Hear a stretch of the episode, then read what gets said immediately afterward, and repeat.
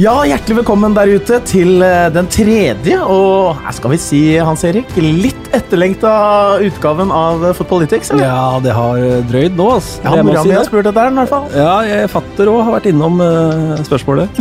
Ja, nei, Det er veldig hyggelig. altså. Vi har fått masse, masse fine tilbakemeldinger på Footballytics-podkastene som vi har uh, hatt eh, hittil, hvor vi prøver da Uh, å liksom prate og lære, bli litt mer lærerike innen dette faget som eh, vi elsker, som heter fotball. Eh, ja, Vi skal oppsummere litt de to første episodene her, eh, Hans Erik. Hva har du lært?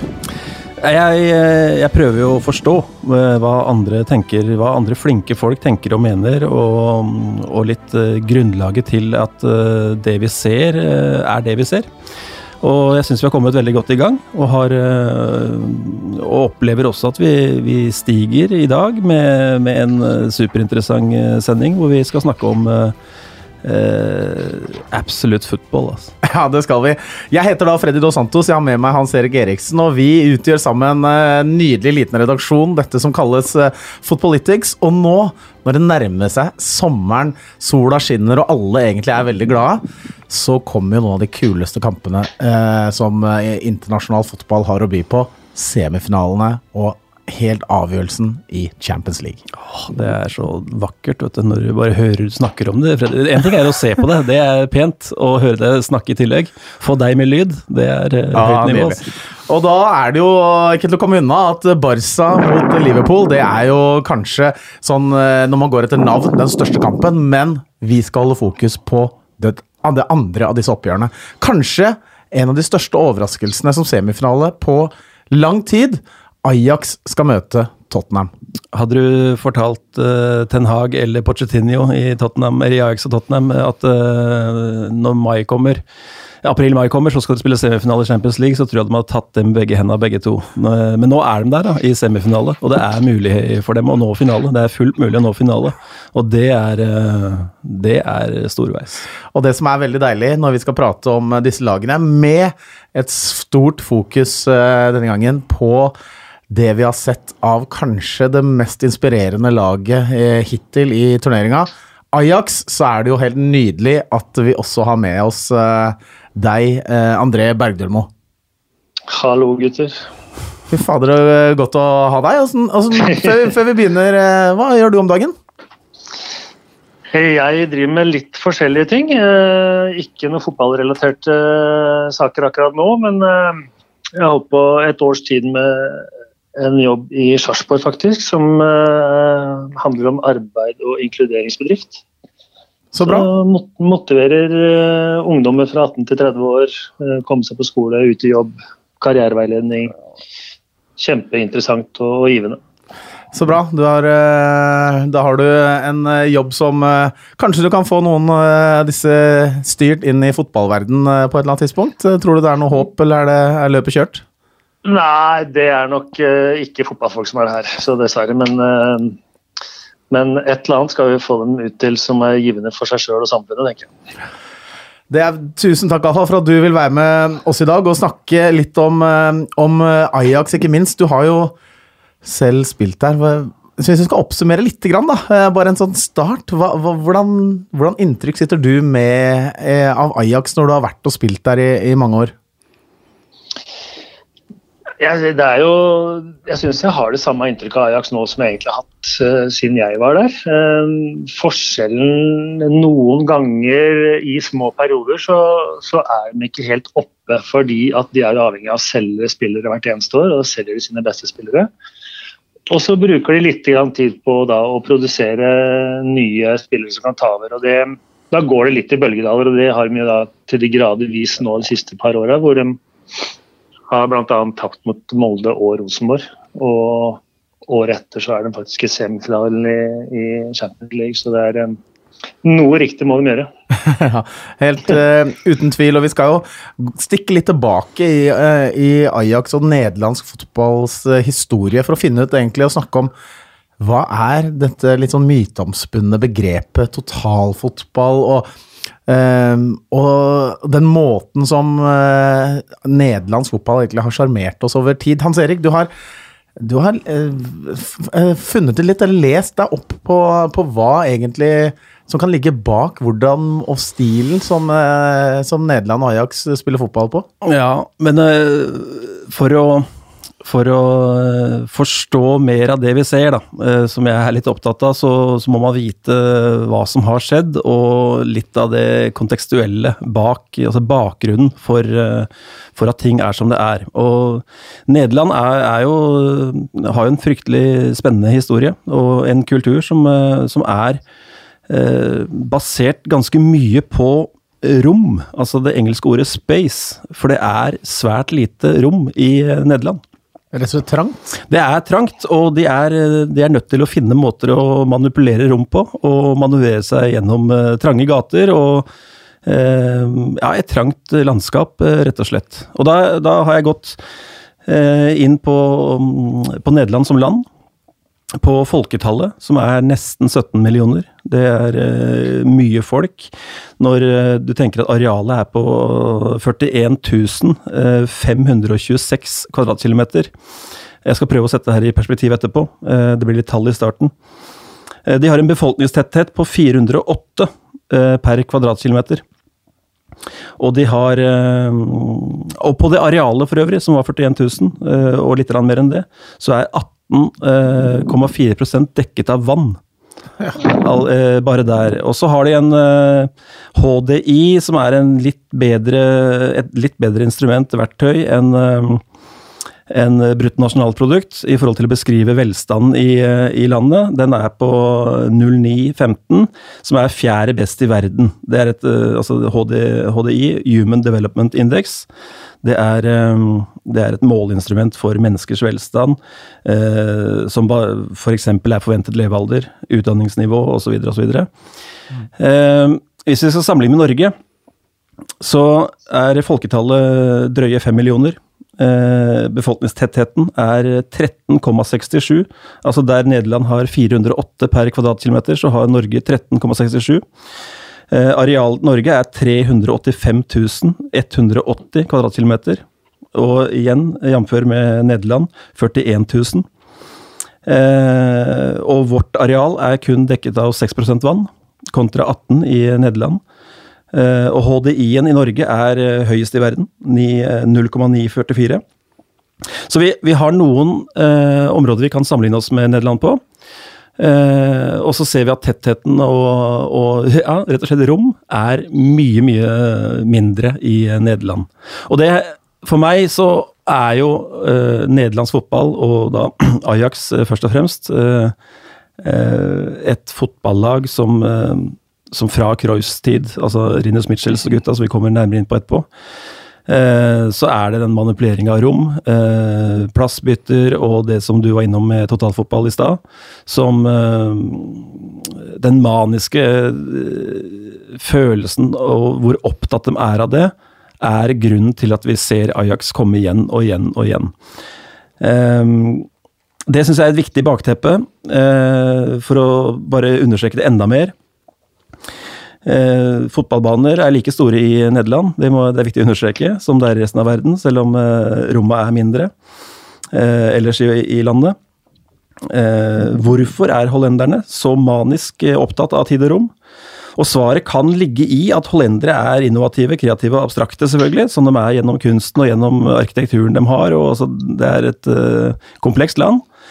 Um, og Holland har et merkelig landskap. Det fins ikke ledig rom i, i Holland. Uh, og Det er et av de mest folketette landene i verden. Når du går ut av leiligheten din i Amsterdam, så første du ser da, noen centimeter fra ansiktet ditt, er naboen. må...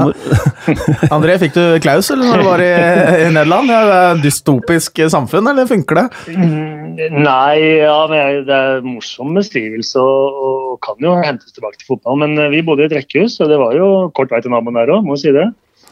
Men det som, det som, eh, jeg forundrer meg litt over når du sier det, Hans Erik, er at jeg kjørte rundt i en sånn svær A8 rundt i trange kanaler. og Det gikk fantastisk bra, og det tror jeg ikke hadde gått bra i Norge.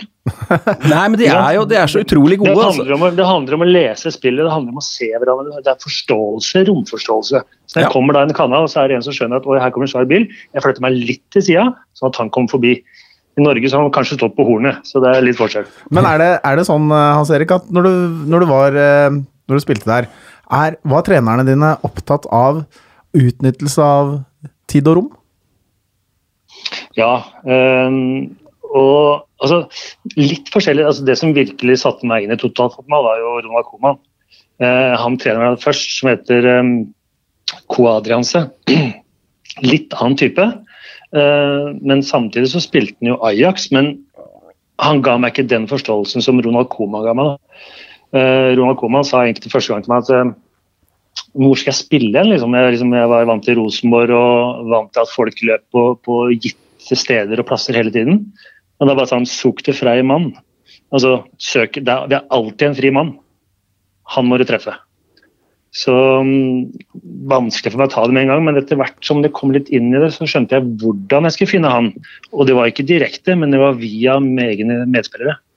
Ja. Hvordan? Med å slå på riktig fot og sånne ting. Ja, for det er noe du har uh, Jeg har sett deg si dette gjentatte ganger i ulike medier, at det er, det er, ned til detaljnivå hvordan du skal slå en uh, pasning, rett og slett, uh, i, i, nederlandsk fotball, eller Ajax, da. for det, det, er ikke så mye til, overlatt til tilfeldigheter, eller tilfeldigheter i forhold til at man har kreativ frihet, men det, Ja, ja. det helt enig, det har man jo. Men, men samtidig så er det sånn veldig forhold til andre kulturer så er det sånn at når du har ballen, så er det du som bestemmer. Gitt i en formasjon 4-2-3-1, det spiller ingen rolle.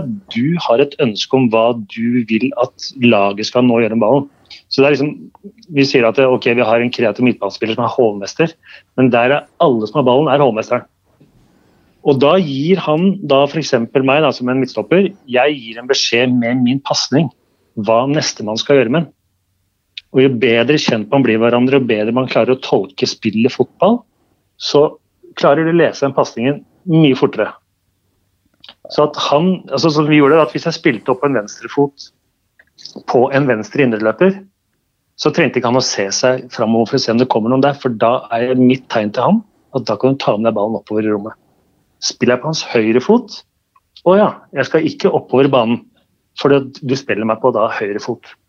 Da må han velge å slå, slå en støttepasning eller vende meg opp andre veien. Det er mitt signal til han, og han tar det signalet som at det er gitt og det er riktig hver eneste situasjon. Det er, høres ut som også en, en veldig kravstor eh, eh, spillestil til individuelle ferdigheter. Ja, eh, men samtidig så, så, kommer man faktisk veldig fort inn i det.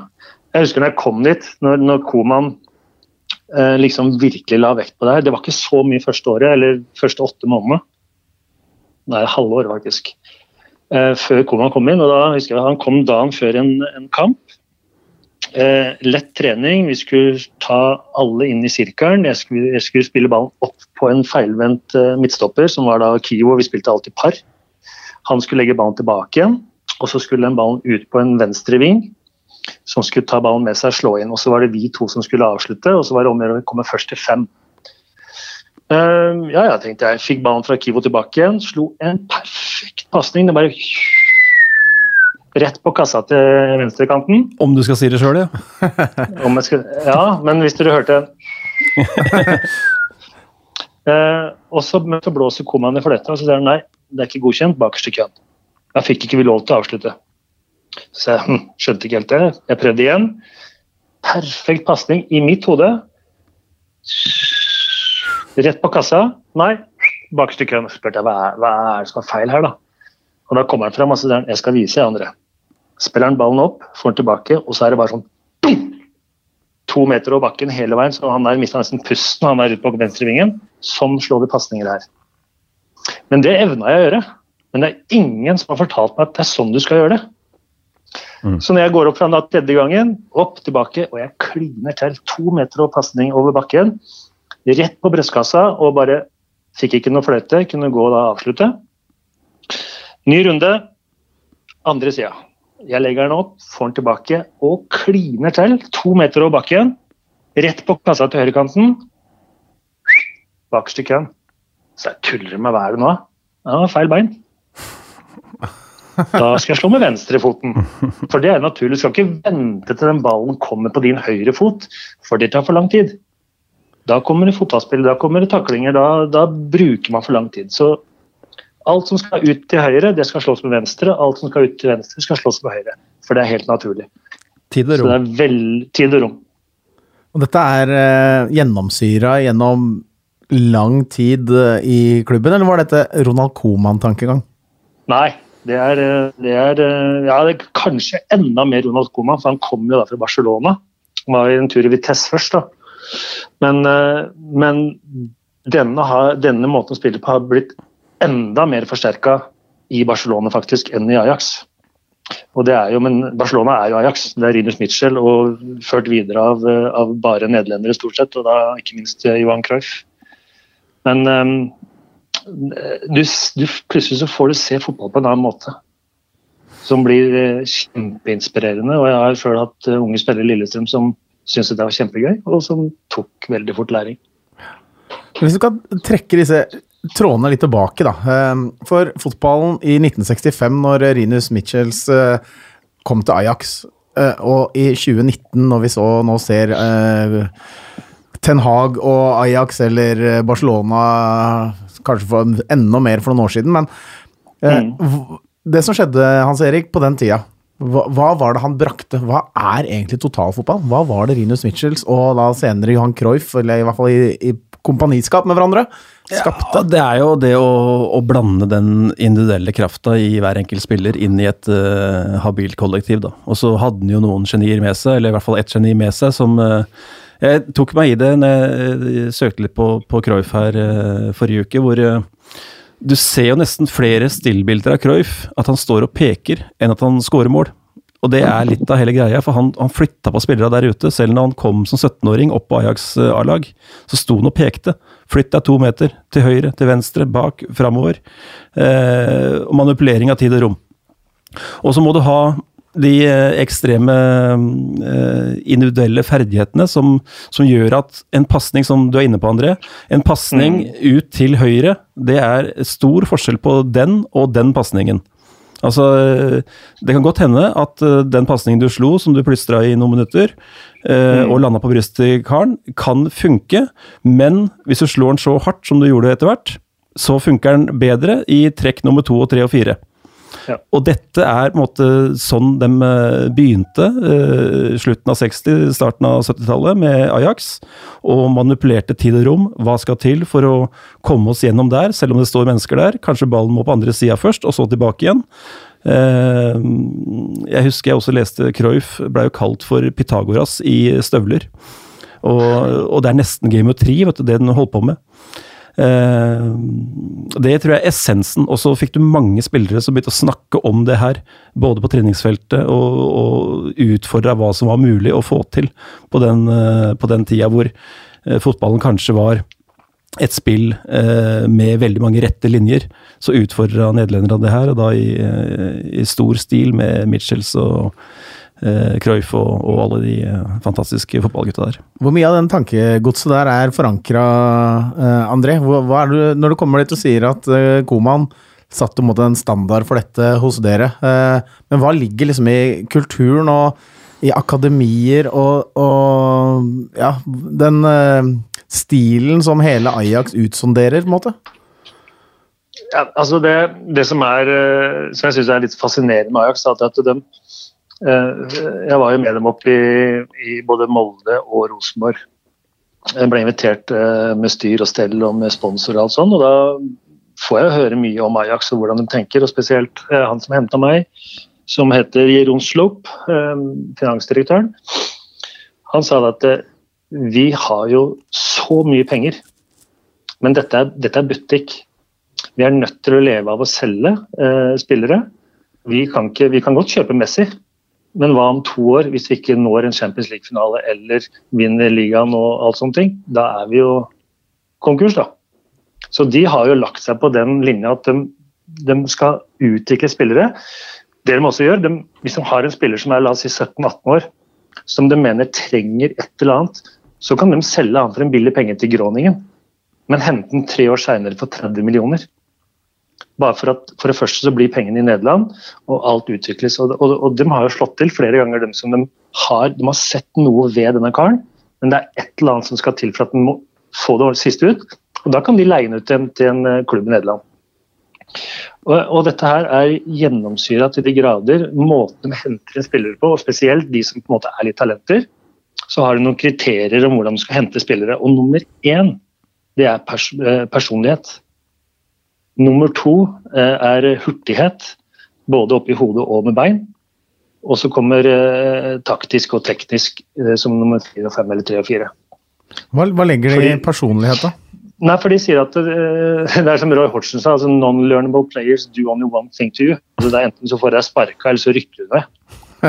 altså du, du, men så lenge du er en god personlighet, du har empati, du er villig til å lære, du tar til deg læring, du har lyst til å lære andre, altså du er den fyren, så kommer du inn i Ajax. Hvis du er en, en det, et dårlig menneske, da, så får du ikke plass i Ajax. For de sier nei, det er det viktigste. Og alle som spiller der, alle som kommer tilbake til klubben, sier at det man husker best, er faktisk miljøet og den der familien rundt. Som, som, jeg tror betyr også veldig mye. Og det er en trygghet i seg selv at alle som kommer inn der, har liksom et godt hjerte. da. Men oppå det igjen så kommer jo For det er lettere å lære av hverandre, og det er lettere å gi fra deg læring når du er en sånn fyr. Og det er veldig veldig viktig kriterier for å hente inn uh, spillere. Er det, er det så, kan man tenke, så kan man tenke ja, men henta Zlatan, som på den tida var cocky og eplekjekk, og Mido. Ja, de bommer noen ganger. Uh, men Zlatan var en fantastisk fyr. Selv om det, som media og folk liksom har lagd YouTube-videoer hvor han kaster ballen i trynet på folk og er liksom idiot. Men som person så hadde han aldri kommet til Ajax hvis han ikke hadde hatt den, den en eller annen slags godhet som Ajax da har kartlagt godt på forhånd. Er dette et konkurransefortrinn Ajax er nødt til å ha? Fordi Du sier de har mye penger, men samtidig så konkurrerer du med milliardindustri andre steder også. Eh, så det, det, er, det er vel sånn at eh, et eller annet sted så må Ajax hente inn marginer, de òg? Ja, det må man nok også.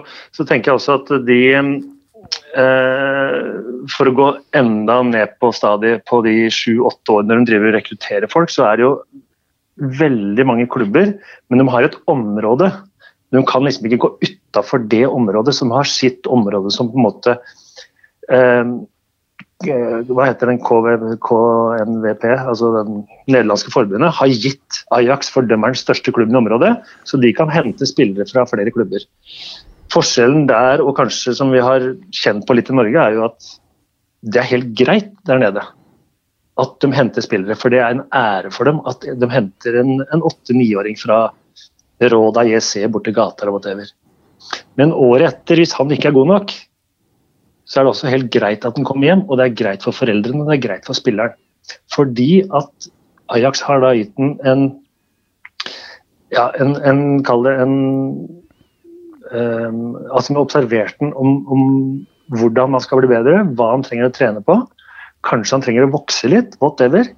Så får han med seg kall det arbeidsoppgaver hjem til klubben, som blir tatt i åpne, åpne hender av gamleklubben. Og pluss at Ajax følger denne spilleren i den klubben han er.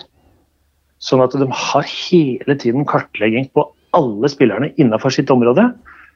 Som er litt sånn ut og inn helt til de kommer opp på et visst nivå. Og da har de forsikra seg om at de har de beste spillerne i området, i Ajax.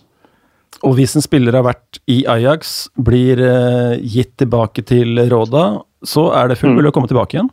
Ja, ja, ja. Året etter så er det en ny uttagning eh, med like mange spillere som de har invitert. altså De har jo kartlagt det.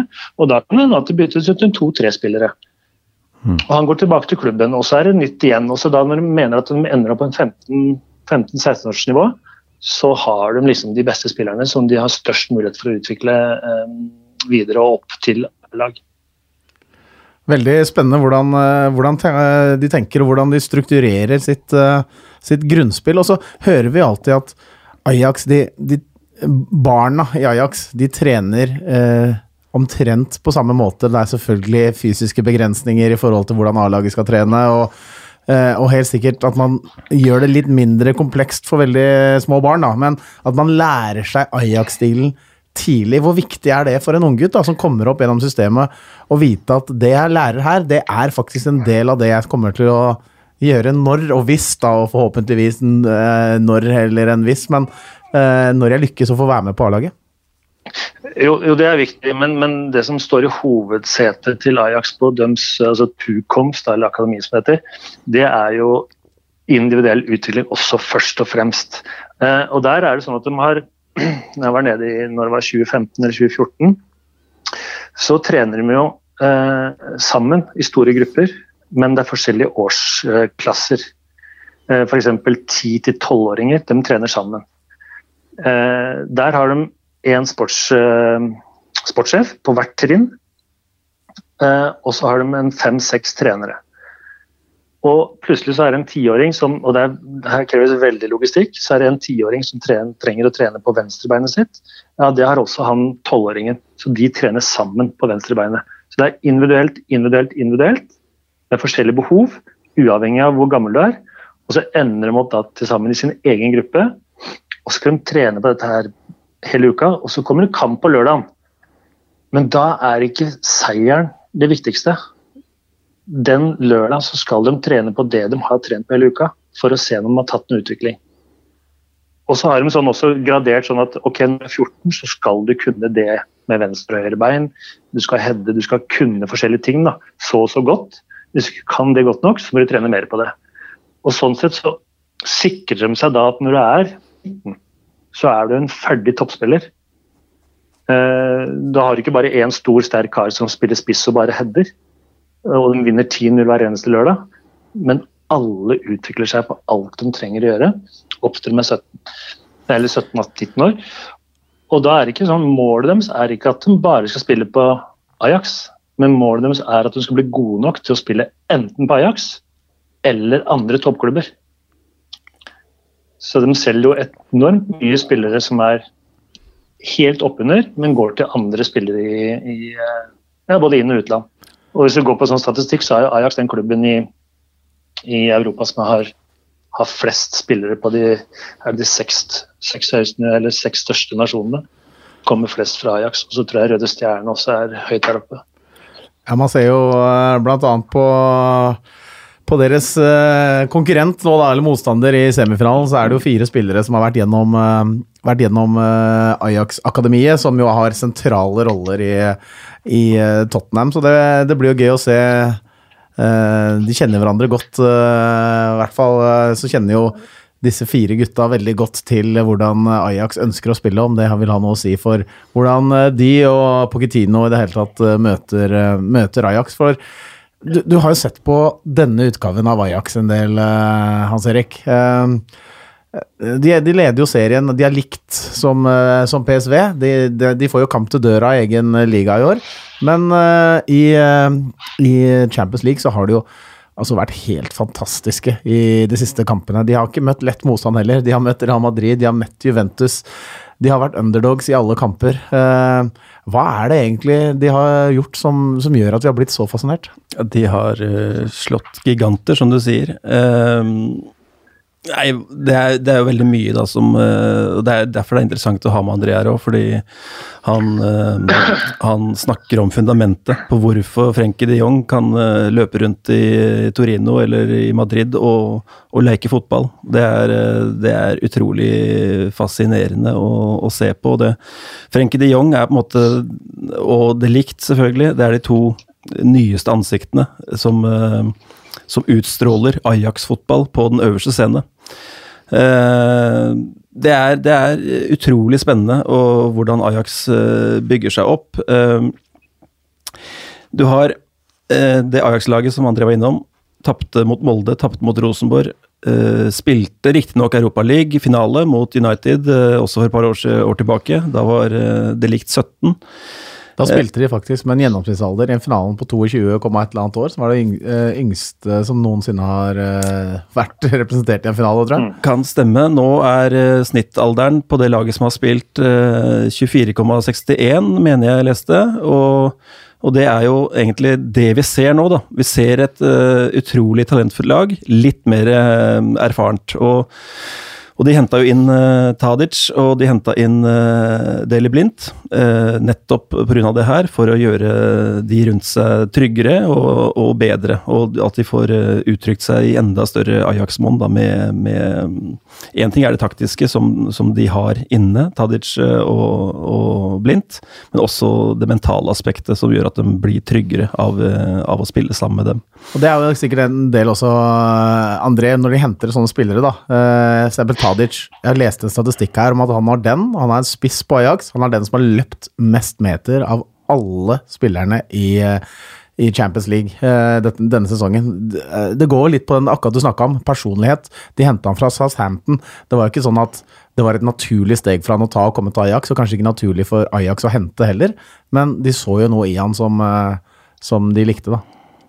Ja, ikke sant. Og, og, det som er eh, Som du sier, eh, Hans Erik, at, at hvordan kan disse unggutta gå, ut på, gå ut på stadion mot Real Madrid eller Ventus og så, og så smile? Altså, De har den største selvtilliten som, som fins. Mm. Men de vet at vi løper mer enn de fleste. Vi har et høyt energi, vi er positive. Vi, vi vet hva vi skal, og vi vet hva vi kan. Og så og det kan godt tenke meg at når de, sant, du har en fin blanding her eh, av alder, samme som omtrent når jeg var der på den tida. De henta en meg for at jeg var litt, litt, rutinert og kanskje den personligheten jeg var. Fordi at de hadde eh, Rafael van de Fart, Nigel de Jong, Johnny Heitinga, Chris Kiwo Mange unge oppadstormende gutter. Men jeg har sett også med Ajax, og det står bl.a. på Drosmor, når de er litt for unge, og det går litt imot, ok, da, kom, da sprer det seg en sånn greie som de egentlig ikke har erfart så mye. Mm. Men her har du Daily Blindt, du har Lasse Skjøne, eh, du har Joel Weltmann, som er litt av den rutinen som de henger seg litt på. da. Så lenge ikke de blir stressa, så blir ikke de unge stressa heller. Mm. Så det er, det er, veldig, De er veldig sånn hårfine på akkurat den balansen om hvilken alder og hva de har opplevd. Som har helt sikkert sett noe av dette her i um, eh, Han er 26, da. Um, så det er Nei, jeg syns det, det, er helt nydelig. Så jeg, jeg, gleder meg enormt til i morgen. Ja, og det er jo uten altså Ajax er uten tvil per nå, da. Det, uh, stjerna i eh, Champions League-sirkuset. Det er jo som altså de, eh, de, bare, det nesten, de, virker nesten enda mer bekymringsløse når de reiser på de største arenaene. Og de, eh, de spiller akkurat sånn som de vil spille. Og så kan du gjerne si at både Real Madrid og, og Juventus ikke har frykta Ajax nok, da, eller hatt nok respekt for dem. Fordi de har på en måte ikke prøvd å nekte Ajax å spille sånn som Ajax vil spille. Og når de også får selvtillit der ute, så, så begynner uh, ting å bli ganske bra for dem. Altså det Eh, jeg husker Mourinho sa at uh, hvordan eh, United slo Ajax, så, så, sa han at uh, det er bare å høre på uh, etterkampintervjuet med treneren og med kapteinen til Ajax etter United-kampen. Mm. Så forstår du alt hvorfor vi slo Ajax. Og, og, det som blir sagt der, er at Eh, de klagde på Fellaini, de klagde på eh, lang, eh, langpasninger i oppbygginga til United. De klagde på fysisk hardt spill. Mm. og da, med det, da, så begrunner jo Mourinho litt hvorfor United slo Ajax den kvelden mm. der. Mm. Nå møter de jo eh, Real Madrid med den rutinen de hadde. De møtte Juventus, som har henta inn Ronaldo for å vinne akkurat denne turneringa. De hadde, hadde riktignok noe, noe skadeforfall til akkurat den kampen, men uansett, de stiller et ekstremt sterkt lag. Fått med seg et resultat fra bortebane. Begge, altså, eh, det er jo eneste tapet uh, Ajax har hatt i år, er jo hjemme mot uh, Real Madrid i Champions League. Og så mm. spiller de uavgjort hjemme og skal til disse to arenaene. Da lurer jeg på Eh, om det kanskje er noen sammenheng med hvordan det gjorde, for du spilte jo mange sånne store kamper du også da du eh, spilte i Ajax, eh, André. Hvordan er hva, hva, er kommunikasjonen i en sånn situasjon når man skal ut til disse store arenaene? Du sier det, alle, alle smiler. Hvordan klarer man det? Nei, det er for at du Altså, selvtillit er jo ikke noe man man har. Selvtillit må man hele tiden opparbeide for å opprettholde. Uh, ser jo bare på United nå, ikke sant. Eh, tolv kamper på rad, så er de jo konger, og så får de et par i og så er det noe som skjer med deg. Så det er hele tiden det å være trygg på det du gjør. Og vi var jo Vi, vi møtte jo På min tid husker jeg, så var vi jo i kvartfinalen mot uh, AC Milan. Uh, var jo videre helt til det sto igjen to minutter og Jon Dahl Thomassen dunka en mål, var innsager. Altså, men du går ut på de stadionene der, og så, så tenk, du er vant til mye mennesker. Det er ikke skremmende. Du er vant til mye støy fra tribunen, ikke skremmende. Du er vant til å spille på den måten du gjør, og du er så tro mot at du har riktig energi, og du vet hva de, vet hva de har drukket. De er liksom, alt er så proft her. Så det er ingenting på en måte, i deres hode som kan gå feil. Og det tror de så sterkt på, og det ser du når de spiller. Jeg, jeg, jeg, må si at jeg ble litt sjokkert, for jeg tenkte før Real Madrid-kampen i Amsterdam Arena så tenkte jeg at dette blir for, for, vanskelig for eh, Ajax. Men du så de Real Madrid-spillerne, de var jo i sjokk de første 20 minuttene. Hva er det som skjer her? Her flyr det unggutter på 18-19-20 år rundt, og vi, vi, får ikke tak i ballen. Og så klarer man likevel å, få et uavgjort resultat, men det er Nei, de tapte vel 1-0. Ja, de tapte Det ja. eneste tapet de har hatt hittil. Ja. De hadde jo, gikk jo ubeseira gjennom eh, mm en relativt tøff gruppe med ja. Baran Bayern München i, i gruppespillet der, så uh, men, er... så, men de første minuttene av den kampen der, så, og likevel taper 1-0, så da var jeg ja, sorry. Da var, jeg, da var, jeg, nesten sikker på at her blir det kamp til døra, uansett om du skal på Bernabeu eller ikke. ja, du, du, eh, du, så jo spesielt på Juventus-kampen, Hans Erik, så gikk du inn og studerte litt. Hva er det faktisk uh, Ajax gjorde. Altså, det er en av de vanskeligste arenaene. Juventus taper veldig sjelden på, på hjemmebane. Uh, men de gikk ut med troa på at denne kampen her, den kommer vi til å vinne. Ja, nå, nå styrte de jo fullstendig showet eh, hjemme på Johan Cruyff Arena mot Juventus. Og så tipper jeg, selv om det uh, ble 1-1, så, så, reiser allikevel Ajax med høy sjøltillit til Torino for å, for å få seg noe mer. Um, og uh, Frenkie de Jong, uh, Allegri i Juventus, uh, var jo veldig obs på han, selvfølgelig også før kampen i Amsterdam, men også spesielt etter, hvor de syns han fikk veldig mye rom. Så det, det Juventus gjør i stor grad for å cope med de Jong, det er jo å sette Dybala ned som en, kall det falsk nier, og skal markere ut de Jong. Men det er jo det er jo da litt uh, den historiske bakgrunnen vår trer i kraft. da. Fordi når de Jong da går dypere i banen, så uh, manipulerer han rom til andre. Og så begynner Ajax, som er uh, født og oppvokst i disse problemstillingene, med å Weltmann kommer inn som back. Schøne eller de Jong blir tredjemann i, i frispillingen. Altså det vil si du har en midtback som spiller, eh, som spiller Weltmann inn som innoverback, hvor Weltmann legger igjen på én touch til tredjemann, da som er Schøne eller de Jong. Så har de plutselig det rom de skal ha. Eh, som ikke var eh, ledig i første, første eller andre pasning, men på tredje pasning. Og det er den leiken her som er så imponerende, at de, eh, de går ut på de største arenaene. Og de, de ser etter hvordan kan vi manipulere motstanderen. Uh, Juve hadde også fryktelig stor avstand fra det, det første pressleddet sitt på tre mann uh, mot, uh, mot, keeper i Ajax og to stoppere pluss de Jong. og keeper i Ajax kunne løfte veldig lett over til sine sidebacker. Og avstanden til midtbaneleddet fra Juventus var stor, og sånn sett så fikk Ajax det uventa lett i frispillingen. De ønsker jo å spille bakfra, og, og det var bare å, å kippe den over første ledd som gjorde at de fikk satt en rytme, og, en, og med det fikk god sjøltillit med ball. Og eh, på andre sida da, med Juventus, det motsatte effekten selvfølgelig. Her blir vi løpende mye mellom, det er store avstander.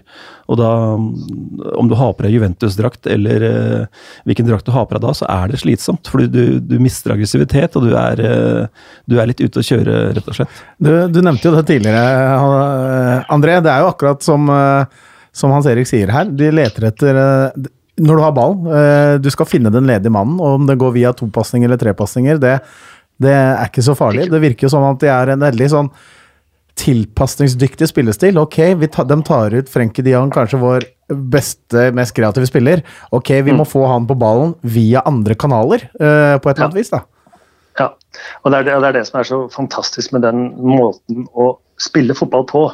Jeg sier at Det spiller ingen rolle om det er 4-2-3-1 eller 4-3-3. Det er den måten du utøver spillet fotball på som er så vakkert på den greiene her. Og det er og som du sier da, Innom to, tre og fire mann altså, Jeg skal ikke si i Norge, men generelt så er det sånn veldig Vi kjører fra A til B. Og, og nå er det ditt valg. Ja, men da velger jeg A til B. Altså, de, de tenker ikke langt nok. Isolerte løsninger. Til, ja. Mm. Isolerte løsninger som bare er ja, men ta ballen, du, og så kan du gjøre noe med den. Men der nede så er det den som har ballen. Han klarer å se for seg to-tre trekk fram. Så jeg mm. ønsker at da Skjønet får ballen på høyre indreløper eller han har trukket seg opp i rommet der. Ja, jeg ser du har gått opp dit, ja, men for at jeg skal komme meg dit, så må jeg opp på spiss, jeg må ned på en indreløper, og så kan han slå deg. Mm. Og når du gjør det som ballfører, så skjønner de andre akkurat hva, du, hva man vil. Mm. Det er det som er så Noen ganger litt vanskelig å forklare, men helt nydelig å kunne utføre. Men her, dette her må jo være noe som motstandertrenere, Allegri som er kjent som taktisk eh, trener, må, må, ha sett. Altså, det er vanskelig å forstå at de ikke kan gjøre noe slags grep mot det. Nei, men Det er det som er vanskelig, og det som jeg sier også, at det er altfor mange som prøver å lære bort ting de ikke kan. Og når de ikke har kjent på, den, på det på kroppen sjøl, og kanskje har opplevd det sjøl, så er det ikke like lett for uansett om det heter Mourinho eller Solskjær eller Allegri, til å kunne gjøre motgrep. For det er ikke så lett å forstå det heller, som andre trenere. For det er ikke alle trenere som forstår det bare fordi du har uh, prolisenskurs. Det er, det, er, det er kanskje også sånn at Når de møter PSV, da, som møter Ajax to minst ganger hvert år, og så møtes de kanskje i cupen også, eh, der, der, har de med til, eh, lært mer hvordan Ajax ønsker å spille, og har kanskje litt sånn tilsvarende jo. stil. Mens for så Juventus, da, som møter Ajax bare én gang hvert skuddår, så er det liksom vanskelig å tilpasse seg. Ja, men det, André, er det ikke litt sånn at eh, når jeg er på hytta oppe i Valdres, så spiller jeg ofte fire på rad. Og da er det om å gjøre å få fire på rad. Og det er sånn eh, Nøkkelsituasjonen der er jo å få tre etter hverandre med ledig hull på begge sider. Og så, ja, og så har du lyst til å se ansiktsuttrykket til den du spiller mot. Hva gjør du ja. nå? Og så velger du heller venstre. Ja, ikke sant. Og så velger du venstre, og da, da spiller du høyre. Ja, og, og, det er litt sånn uh, Ajax setter opp spillet sitt på, sånn som jeg leser det, da. For du lar ikke din, eh, dine barn vinne i fire på rad eh, på hytta i Valdres? Det vil ikke skje. Så lenge, så lenge Altså, det er fair spill. Da må du gjøre så godt du kan hele tida. Jeg, juks, jeg juksa med sønnen min sjøl. Jeg luder nå fem år bare for å vinne. Dere har kommet langt men, i karrieren deres, det er derfor dere har vinnerinstinkt, folkens. ja, ikke sant. Uh, nei, så jeg syns det, det, er fantastisk å se på dem. Også det, som, det som imponerer meg litt innimellom, og det er spesielt når jeg ser Ajax og også Barcelona. Jeg, de, for meg er de, de spiller ganske likt. Det er de der småpasningene uten stress, med mannen i rygg. Så sier folk ja, men de, de blir jo ikke stressa. Nei, fordi at enten så blir det frispark, eller så får de gjort det de vil med ballen fordi de slår på rett fot hele tiden. Det er jo null stress å spille opp Messi på hans venstrebein så lenge han karen som passer på han, står bak en på høyre side. Mm. Hvis du skjønner? Da er det opp på venstrebeinet. Ja, ok, da er det pasning tilbake igjen. Det er sånn venstre, er pasning tilbake igjen. Men når han plutselig kommer på høyre, så trenger ikke Messi å snu seg engang. Eller noen på Ajax. fordi at da er det tegn, Og da er han som sto bak meg, han har kanskje prøvd å bryte ballen på venstre side. Så kommer han knallhardt opp på høyre fot, så sier de bare 'tusen takk', og så snur de det. For da er det pasningen som forteller alt til den som mottar. Og det er ikke, og eh, I Norge snakker vi ofte vi må tørre å bruke ballen. Her tenker jeg mer at vi, eh, vi snakker om eh, å manipulere tid og rom igjen. Da, hvor når du gjør de riktige tingene i de pasningene du snakker om her, André, så, mm. så komprimerer du motstander, og du får tilgjengelig rom andre sted på banen, som da ballene smekkes opp, opp i de riktige rommene. Og da får du temposkifter, og da er det vanskelig å være motstander. Ja, også, for meg så er det det som er liksom, Kall det ball possession. Men de har ball possession med, med, et mål og mening om å utnytte og skape rom. Og, ikke sant? Men så er de ofte på De er of, veldig ofte, eller de skal danne trekanter hele veien. Du skal alltid ha flere alternativer, og så velger du det du vil ut av det beste. I Norge har jeg på følelse at det blir sånn veldig slå og gå. Mm. Mm. Men det gjør de ikke i Ajax. Mm. Hvorfor, hvorfor, skal jeg gå? For da mister du et punkt. Du mister et punkt som er veldig sentralt i den trekanten. Så hvor skal han gå, enn han da? Slå og gå. hvor enn da? Det er, ikke, det, er ikke, det er ikke tema i det hele tatt der nede. Jeg slår opp pasningen til deg. Jeg er her hvis du trenger det. Hvis du benytter av det jeg faktisk ville at du skulle gjøre, ok, da kan jeg forflytte meg og dra den trekanten enten høyere opp i banen eller noen andre. Så det er alltid liksom trekanter hele veien. Det så vi også hvis vi går tilbake til Juventus-kampen i, i, Torino, hvor uh, Dybala lå uh, mer eller mindre mannsopp, uh, mannsmarkert de Jong. Så, så, byttes jo han ut etter hvert med han nye fremadstormende spissen til Juventus, Keane. som ikke er i nærheten av å forstå de samme defensive oppgavene som Dybala var. Og da mm. får Frenkie de Jong mye større spillerom, og han blir oftere tredjemann i de angrepene jeg snakker om, uh, enn i første omgang, hvor Schøne gjorde det. De Jong er mye mer kreativ, mye flinkere til å slå pasninger gjennom ledd enn det, enn det Schøne er, selv om Schøne også er habil på det. Men de Jong mm. er verdensklasse på det. Uh, og satte opp uh, Hvis dere husker andre gangen, så var Ajax dominerende mot Juventus og skapte målsjanser. Og mye av det var de Jong som fikk, som fikk ball i, i rom for han, som gjorde at han kunne tre gjennom ledd opp og lagde fire mot tre-angrep på halvdelen til Juventus. For Juventus prøvde jo til dels å presse høyt der, og, og de Jong er en mester i de situasjonene. Og så er det jo sånn, ja. uh, André, at ofte så har vi tenkt at Ajax er Altså, De kommer til å ha ballen i 60-70% av kampen. I disse to bortekampene mot Real Madrid og, og Juventus, så er det jo det er hjemmelagene som har eh, høyest ball possession. Og, og, da virker det sånn på meg som, eh, som, Ajax, i tillegg til å være veldig gode på det vi snakker om, med ball, eh, eh, kreative, gjennomtenkte i det de gjør, også mm. har et trygt defensivt fundament. Fordi disse stjernegalleriene på Juventus og, og Real Madrid skapte slikk og ingenting i løpet av kampene mot, mot Ajax. Ja, nei, ja, og det, der har de jo blitt bedre med åra. De har jo stort sett tidligere så har de jo vært veldig offensive. Og det har vært det offensive som har vært eh, store greiene. Og det morsomt er at når du ser andre nederlandske lag òg, de spiller også veldig offensivt, så det er veldig ofte mange mål. Men, eh, men eh, du verden, når du har, når du har det forsvaret de har, og du finner sånne vidunderbarer som delikt og greier, så, så, så, må det bare bli bra. Og de vet jo hva det vil si å forsvare seg. Det er høyt tempo, gode returløp, eh, hjelpe hverandre, dekke rom. Altså, de har en sånn enorm energi. Så da hjelper det ikke ofte å hete Bale eller Ronaldo eller eh, whatever, så, så blir det vanskelig. Vi har knapt vært innom det, men vi har snakka mye om Ajax. Men skal, de skal spille en kamp i morgen. Det er Tottenham som, eh, som venter. Hva slags kampbilde ser du for deg der, Hans Erik?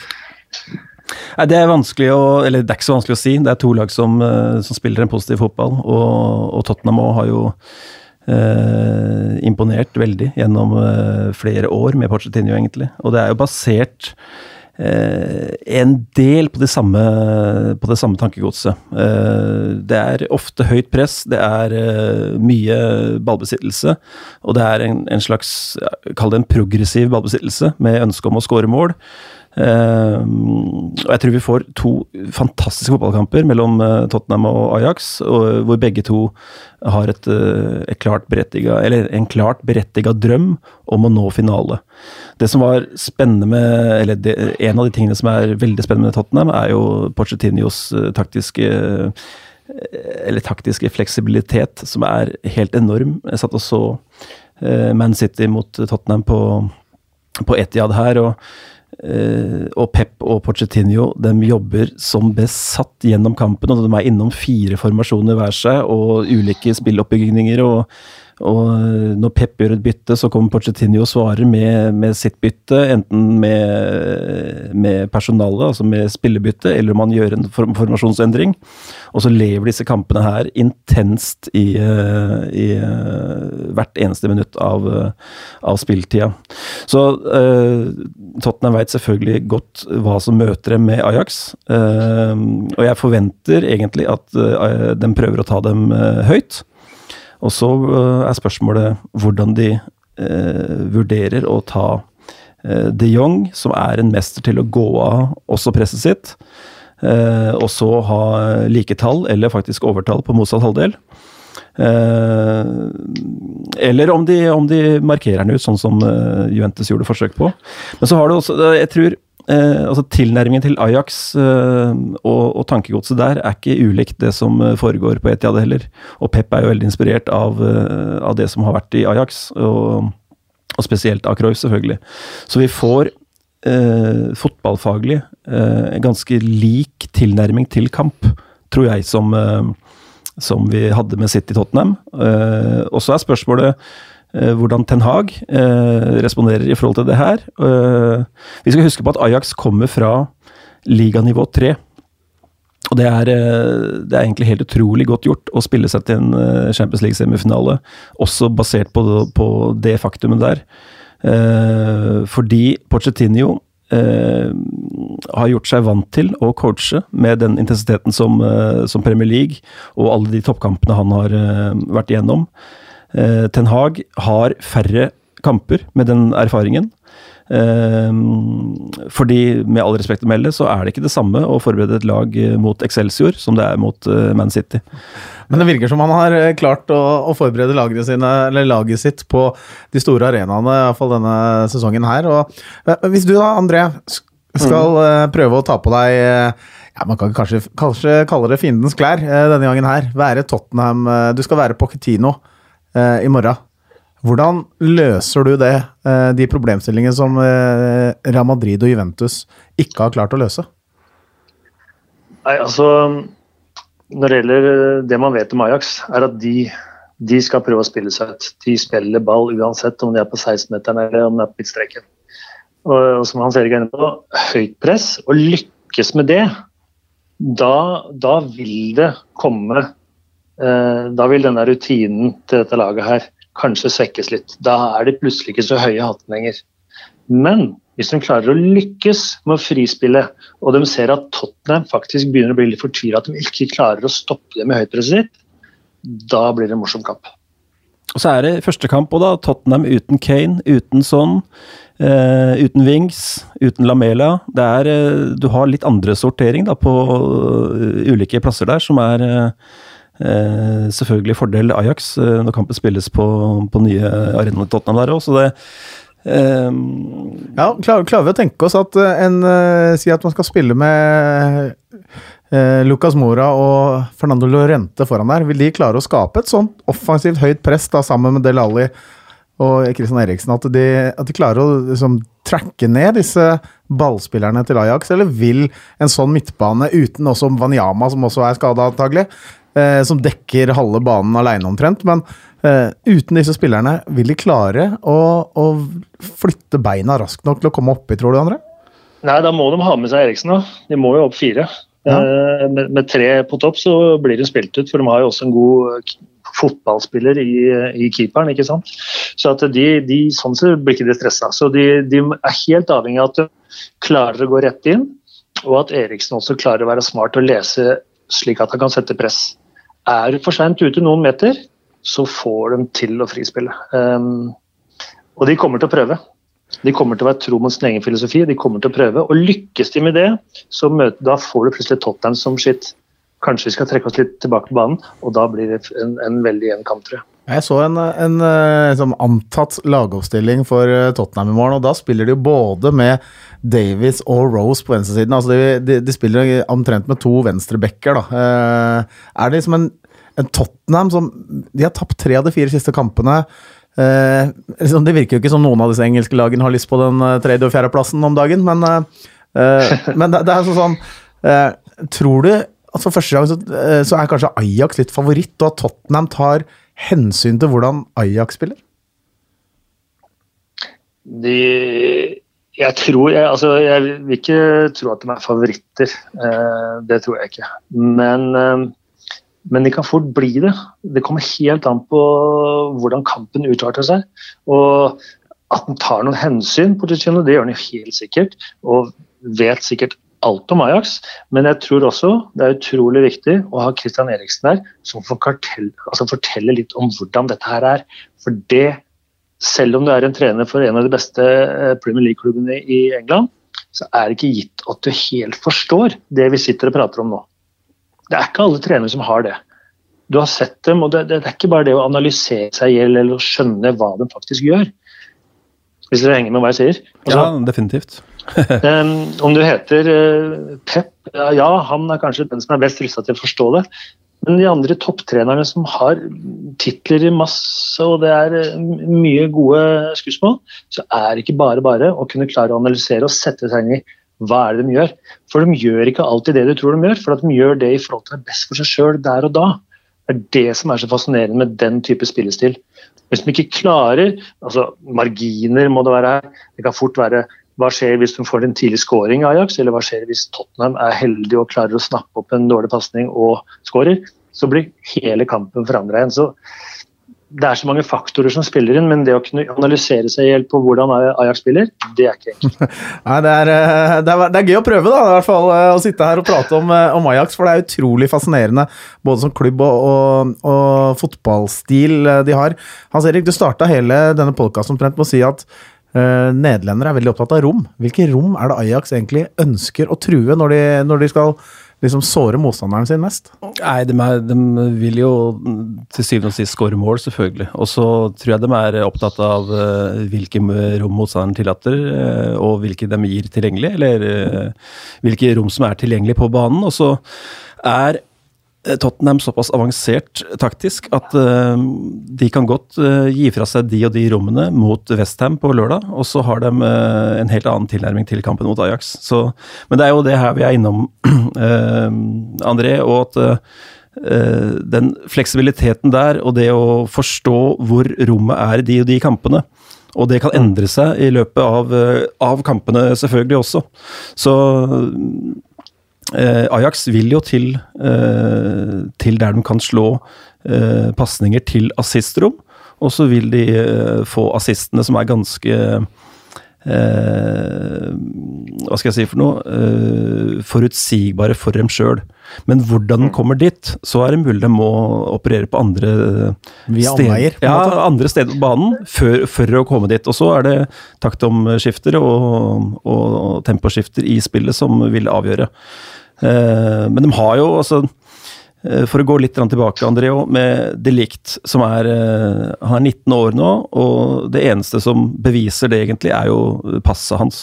For han spiller jo som en 7-28-åring, og, og, kan jo nesten alt om fotball allerede. Hvordan, hvordan altså Når du er så langt framme som han, eller de Jong, da. Når han er i Ajax og er ti år, hvordan behandling får han da? Det, det, som er også litt morsomt da, med, med, med, hele den aksjen som, som, er med Cruyff for noen år siden, før han døde, så fikk han snudd egentlig helt opp ned på hierarkiet i Ajax.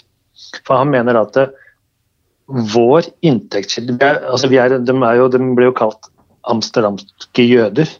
Altså De er veldig med penger, de er flinke med penger. Um, og så de, har de skjønt at skal vi klare oss som klubb og skal vi hevde oss, så må vi selvfølgelig tjene penger. Og vår investering er i ungdomsakademiet. Så de får like mye tilrettelegging, dagligdags ting, som A-lagsspillerne. Mm. Og styr og stell, som var mest opptatt av å stå i Armani-dress og ta bilder med de nye stjernene, de er jo satt under administrasjonen nesten. Altså De skal bare være der og serve dem, hvis mm. noe trengs. Og det, det gjorde vel sånn den gangen at eh, hele styret gikk. Mm. Skal ikke vi være øverst på hierarkiet? Så, så der er vel sånn A-laget på lik linje, som Tukomsen, som, eh, altså ungdomsavdelingen. Og så kommer uh, trenerstab og alt sånne ting. Og så kommer den administrasjon. Og så er det styret i bånn som skal bare sørge for at alle disse her har det bra. Hvordan vil du sammenligne, får, vil du sammenligne ja. det med norsk uh, klubbstruktur? Nei, det er, det er, jo stor forskjell, selvfølgelig. Um, som jeg sa i stad, her, eh, her eh, er det jo tiåringer som trener med 12- og 13-åringer og, vice versa hele tiden. Eh, vi har jo stadig lest og hørt om norske klubber som har kanskje hospitert opp en tolvåring litt for tidlig, hvor, hvor, det blir foreldreskrik og treneren blir sur for at kommer ikke an til å vinne sin kamp i neste. ikke sant? Det, det, er, det, er, mye som, som, vi kan se ned til Ajax og lære av. Og mest av alt så er dette her handler om kultur, da, ikke sant. Mm.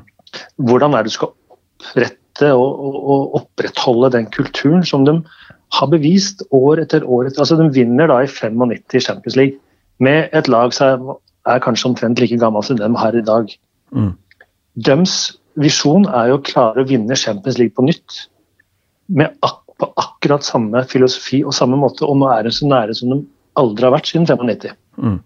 Ja, det var kanskje i finalen 97, men det var det, var det Året etter vi tapte mot uh, uh, Tapte vel året etter at de vant, så tapte de mot Juventus. Uh, Riktig. Feil. Ja. ja. Og, det, og, nå er hun så nære å klare det, da. Um, så Uh, en tiårig Matheis de Ligt han, uh, han, fikk samme behandling han som, uh, som Daily Blind fikk når han gikk på akademiet. Men han ble, han ble, ikke, han ble ikke, heist opp til altså, som G12-spiller, han ble ikke heist opp til G14, eller var det sånn du sier at han i visse sekvenser så ble han det, og andre ganger så tilhørte han tolvåringene? Riktig. Så hvis han, hvis han, trengte la oss si at han trengte litt mer uh, punch da, og litt mer kroppskontakt og litt tøffere, så var han kanskje oppe og trente så og så mye med, med, dem som var litt større, så han fikk trent på det. Mm. Og Så var det tilbake til, til gutta sine. Også når kampen kom på lørdag, så måtte han bevise at han var litt tøff og sterk igjen. ikke sant? Og Det er bare én ting, da. Mm. Så er, de, de, går opp og ned. Altså, for dem så er de i Ajax, og det spiller ingen rolle om det er på 12-årslag eller 14 eller 17. Altså, de har ett mål for øye, er å bli best mulig for klubben, og gjerne så god at du kan komme på A-laget. Hvis ikke så skal du ha blitt så god i den utdanningen her at du kan gå til andre toppklubber i både Nederland og Europa. Eh, André, la oss gjøre en litt sånn morsom øvelse. Si at eh, Johan Cruyff eh, sitter oppe på stjernehimmelen og ser ned på den kampen som skal spilles i morgen. Og så mm. har de likt ballen som stopper. Han har kanskje mm. akkurat fått den fra keeperen sin. Hva er egentlig Hvis du kan tenke et perfekt scenario hvor ballen ender opp 15 sekunder etterpå i kassa til Tottenham. Hvordan har det angrepet da utspilt seg? Helt i tråd med hvordan liksom, idealene for, eh, for, hvordan Ajax ønsker å spille her? Ja, Det kan være at han eh, f.eks. Eh, hvis det er tre på topp, da, Tottenham, så, så, de, så, blir han spillfri fra keeper. Får press på seg. Enten så, så spiller han back, eller så spiller han, spiller han andre stopperen. Men med en hensikt. Da har han allerede sett hvor er det han vil at stopperen skal gjøre med ballen. Så det er liksom frispilling fra spissen opp, og så er det f.eks. en liten en på, på, feil fot til en indreløper som liksom ok, spiller en kort støttepasning med en direktepasning opp på en spiss. Legger en til nummer ni. Høyre kant har allerede starta, sett dette for lenge siden. Chip over og i mål. Det, da hørte du det først her. altså Hvis det blir et sånt mål i morgen, så André, da har du, da har du allerede forutsett det. Eller kanskje Johan Cruyff allerede forutså det. Eller Rinus Michels i 1965. Ja, og, men det som er så fine med måten å trene på, er at hvis den førstepasningen ikke går som planlagt, så er det da plutselig han som mottar den ballen, som har, um, har si, rettigheter på ballen. Da. Men du skal liksom gjøre som hovmesteren har sagt. Hvis du skjønner hva jeg mener. Men hvis den blir litt feil, hvis det er 30 cm feilpasning og du må ta den på feil fot, ja vel, da må, da må vi starte på nytt. Da er det du som er herre over ballen. Så det går mye sånn A, B, C, nei. A, B, C, nei. ikke sant? Så de, de har hele tiden intensjon, men det er ikke alltid det går A til E eller A, B, C og i mål. Men da er det en forståelse for at vi starter på nytt på A igjen? Ja, absolutt. Mm. Og noen ganger så må man bare gjøre det for å enten ta press eller spille ballen tilbake til keeperen. Ok, pust litt tilbake igjen. Vi starter på nytt. Hans Erik, når du skal uh, trene et lag igjen neste gang, uh, og du, du skal uh, drive med individuell trening, hvor, hvor, mye av dette tror du en norsk spiller på et helt ok 17-års, 18-årsstadium er? hvor mye hvor lett tror du han kan ta og adaptere noe sånt? Er det et for liksom, stort lerret å bleke for norske spillere og for norsk fotballkultur, eller kan man ta til seg en del av dette her og, og faktisk uh, utføre det i hverdagen? Jeg tror helt sikkert du kan uh, få en del inn i uh, et 16-17 år gammelt hode, men jeg tror ikke du får det fullstendig. Og det her er jo kultur, og det er romoppfattelse som i, per min definisjon de får det inn med, med morsbjelka, og, og, er født og oppvokst i trange rom her, og betydningen av pasning lære seg et pasningsspråk fra du er eh, på ditt mest elastiske i hjernen, som er mellom 8 og 12. Eh, det tror jeg er helt avgjørende for å få det eh, Alle de fundamentale tingene på plass for å forstå. Og her mener jeg vi er langt unna i norsk fotball, og noe av det er strukturen vi har. og og noe av det er på en måte veiledning. Altså André snakker om fem trenere pluss sportssjef per eh, årskull i Ajax. Eh, jeg har ikke sett så mange norske lag som, eh, som har det. Så det kommer et visst stykke, men sammenligna med de beste i verden, som vi har muligheten til å matche Holland, og Nederland på mye. Men vi er ikke der kulturelt per nå, og har en har en lang vei å gå da, for å finne et ord som rimer på det. André, du har jobba lenge i fotballen også etter din uh, aktiv karriere var over. Eh, hvordan ser du at eh, Norge skal kunne ta til seg litt læring fra hvordan, hvordan Ajax og nederlands fotball tenker?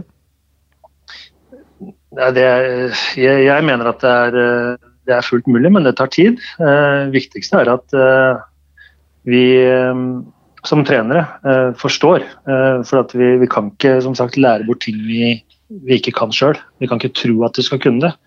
Og det som, som gjenspeiler seg igjen i Ajax, da, er at hvordan, hvordan de klarer å opprettholde kulturen. Hvem er det som trener dem? Jo, og det, det er jo ikke sant, en, Jeg spilte om en del spillere på, på tidlig 2000-tallet. Eh, Cedric van der Gunn trener 15-årslaget. Richard Knopper trener 16-årslaget. Johnny Heitinga trener 19-årslaget. Um, uh, Aron Winther og Richard Witschke de er assistenttrener på A-laget. Altså, de henter ikke en foreldrepappa eller en trener fra Rotterdam. De, de henter noen fra Ajax-familien hele veien, så de skal opprettholde kulturen. Og det er litt sånn typisk um, Jeg skal ikke si norsk fotball, men det å det at det er veldig trenerstyrt, da, istedenfor klubbstyrt, så er det trenerstyrt. Hvor, hvor du har spilt 4-3-3 eh, i 140 år, og så skal du plutselig begynne å spille 4-4-2. Det, det, blir vanskelig. For det er plutselig en annen kultur. Men mange, mange, jo, mange fra norsk fotball også, har jo reist ned til Ajax for å studere hvordan de holder på. Hvordan, uh, hvordan opplever du uh, det de sitter igjen med derfra?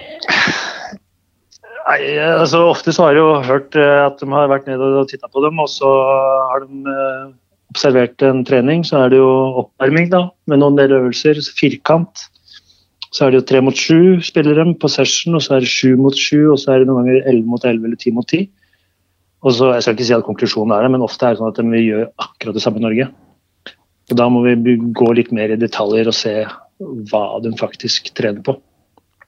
Og, og hva, eh, hva, er det, selv om du kanskje har vært innom det allerede? Ja, nei, det er jo da Slå på riktig fot i forhold til neste trekk. Altså, jeg sa til gutta mine da jeg var på Lillestrøm, altså, aldri slå fra deg ballen uten en plan. For det er mm. du som er sjefen. For det er ofte så ser du Og det som jeg ser også, er at um, Hvor ofte hører du ikke etter en, en kamp i egentlig hvilken som helst divisjon, hvor enten kommentatorer eller trenere eller spillere sier nei, i dag var vi for upresise med ballen. Altfor ofte da, er svaret på det. ikke sant? Da tenker jeg, men skal vi ikke trene enda mer på det, da? Og bli bedre på det? For det er det som vi henger etterpå. Veldig ofte ser du en venstre back skal slå ballen inn til en høyre midtstopper. eller venstre midtstopper. Sikkert en intensjon om å vende spillet, men han midtstopperen han må rygge fire meter for å få den på mm. riktig fot. Mm. Hvorfor ikke bare spille den på en riktig fot med en eneste gang, slik at effektiviteten og tida blir mye bedre. For vi ser jo at en, en stopper ønsker den da på høyre fot.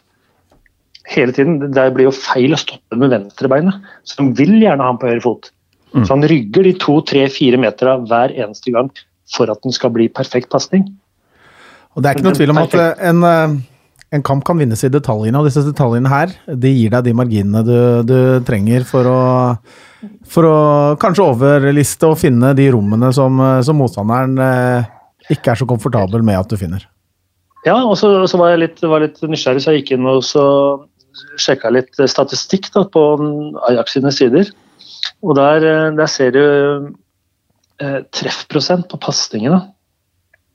Det ligger altså på Uh, Delict han er på 93 um, Skjøne, som er midtbanespiller, ligger på 91. Og så tror jeg det var uh, godeste Hvem var det, jeg tror? Sajcek, mulig det var. Som spiss tror jeg det var 75 eller 76% Som spiss. Og da tar du en del risiko i pasning med veggspill for å komme deg. Allikevel så har de så høy treffprosent. Så klart, summa summarum så blir det bra. Ligger det på mellom 50 og 60% summa summarum så blir det fryktelig dårlig. En ting er for sikkert, Den kampen i morgen den blir helt uh, fantastisk. Jeg gleder deg til å se på den, uh, Hans Erik? Ja, jeg gjør det. Og um, i den grad vi snakka om uh, at Ajax kan slite mot fysisk sterke lag, og når det blir hardt og rått og brutalt, så, så har liksom ikke Tottenham helt det i stilen sin. Eh, samme som f.eks. Mourinho, da, Mourinhos United. Eh, og hvis du da eh, setter opp kampen mot Ajax Eh, til å spille som Ajax, så, så, løper hun risiko for å tape, og er dårligere i, de spillene, eh, eh, i det spillet enn Ajax. og det, det blir forrykende. Altså jeg, begge laget har en unik sjanse til å komme seg til finale. For etter å ha altså klubber som Bayern, Real, Juventus, Atletico Madrid er ute, så sitter Tottenham og, og Ajax igjen her. Da. Det, Eh, det, det, er lett å få vann i munnen. Altså. Jeg regner med du sitter benka i morgen kveld, eh, André? Ja, ja, selvsagt. Det blir, eh, det blir spennende. Og for å si sånn, jeg tror ikke den kampen blir avgjort i morgen. Nei, den håper vi lever, den lever Nei, det... hele veien til uh, siste spark. Og det, det gjorde det jo de to foregående rundene for begge disse lagene, så uh, veldig gøy. Og vi skal komme tilbake hit og, og snakke litt uh, etter disse kampene også. Det gleder vi oss til. At vi skal få oppsummert litt hva vi egentlig har tenkt. Det blir eh, om noe av dette vi traff, om ditt eh, drømmescenario av et angrep eh, har da manifestert seg i en, eh, en goal til eh, Ajax, eh, André. Jeg må bare si tusen takk for at du ville være med oss her i, i Footballitics. Jeg skal også benytte anledningen til å si tusen takk til vår redaksjon, som består av Vidar Engedal Hansen, Ole Kristian Amundsen og Anders Stensås. De Eh, de driver og bygger opp en slags eh, plattform bak oss her, eh, Hans Erik. Det er vel ikke helt lansert ennå, men fotballytics.no det kommer til å bli et sted da vi skal synes litt mer enn bare i denne podkasten. Vi ekspanderer, og vi er med på en sånn derre Slack kommunikasjonsapp som ikke vi skjønner noen ting av, Freddy, men det jobbes iherdig, og snart så ser vi resultater av det.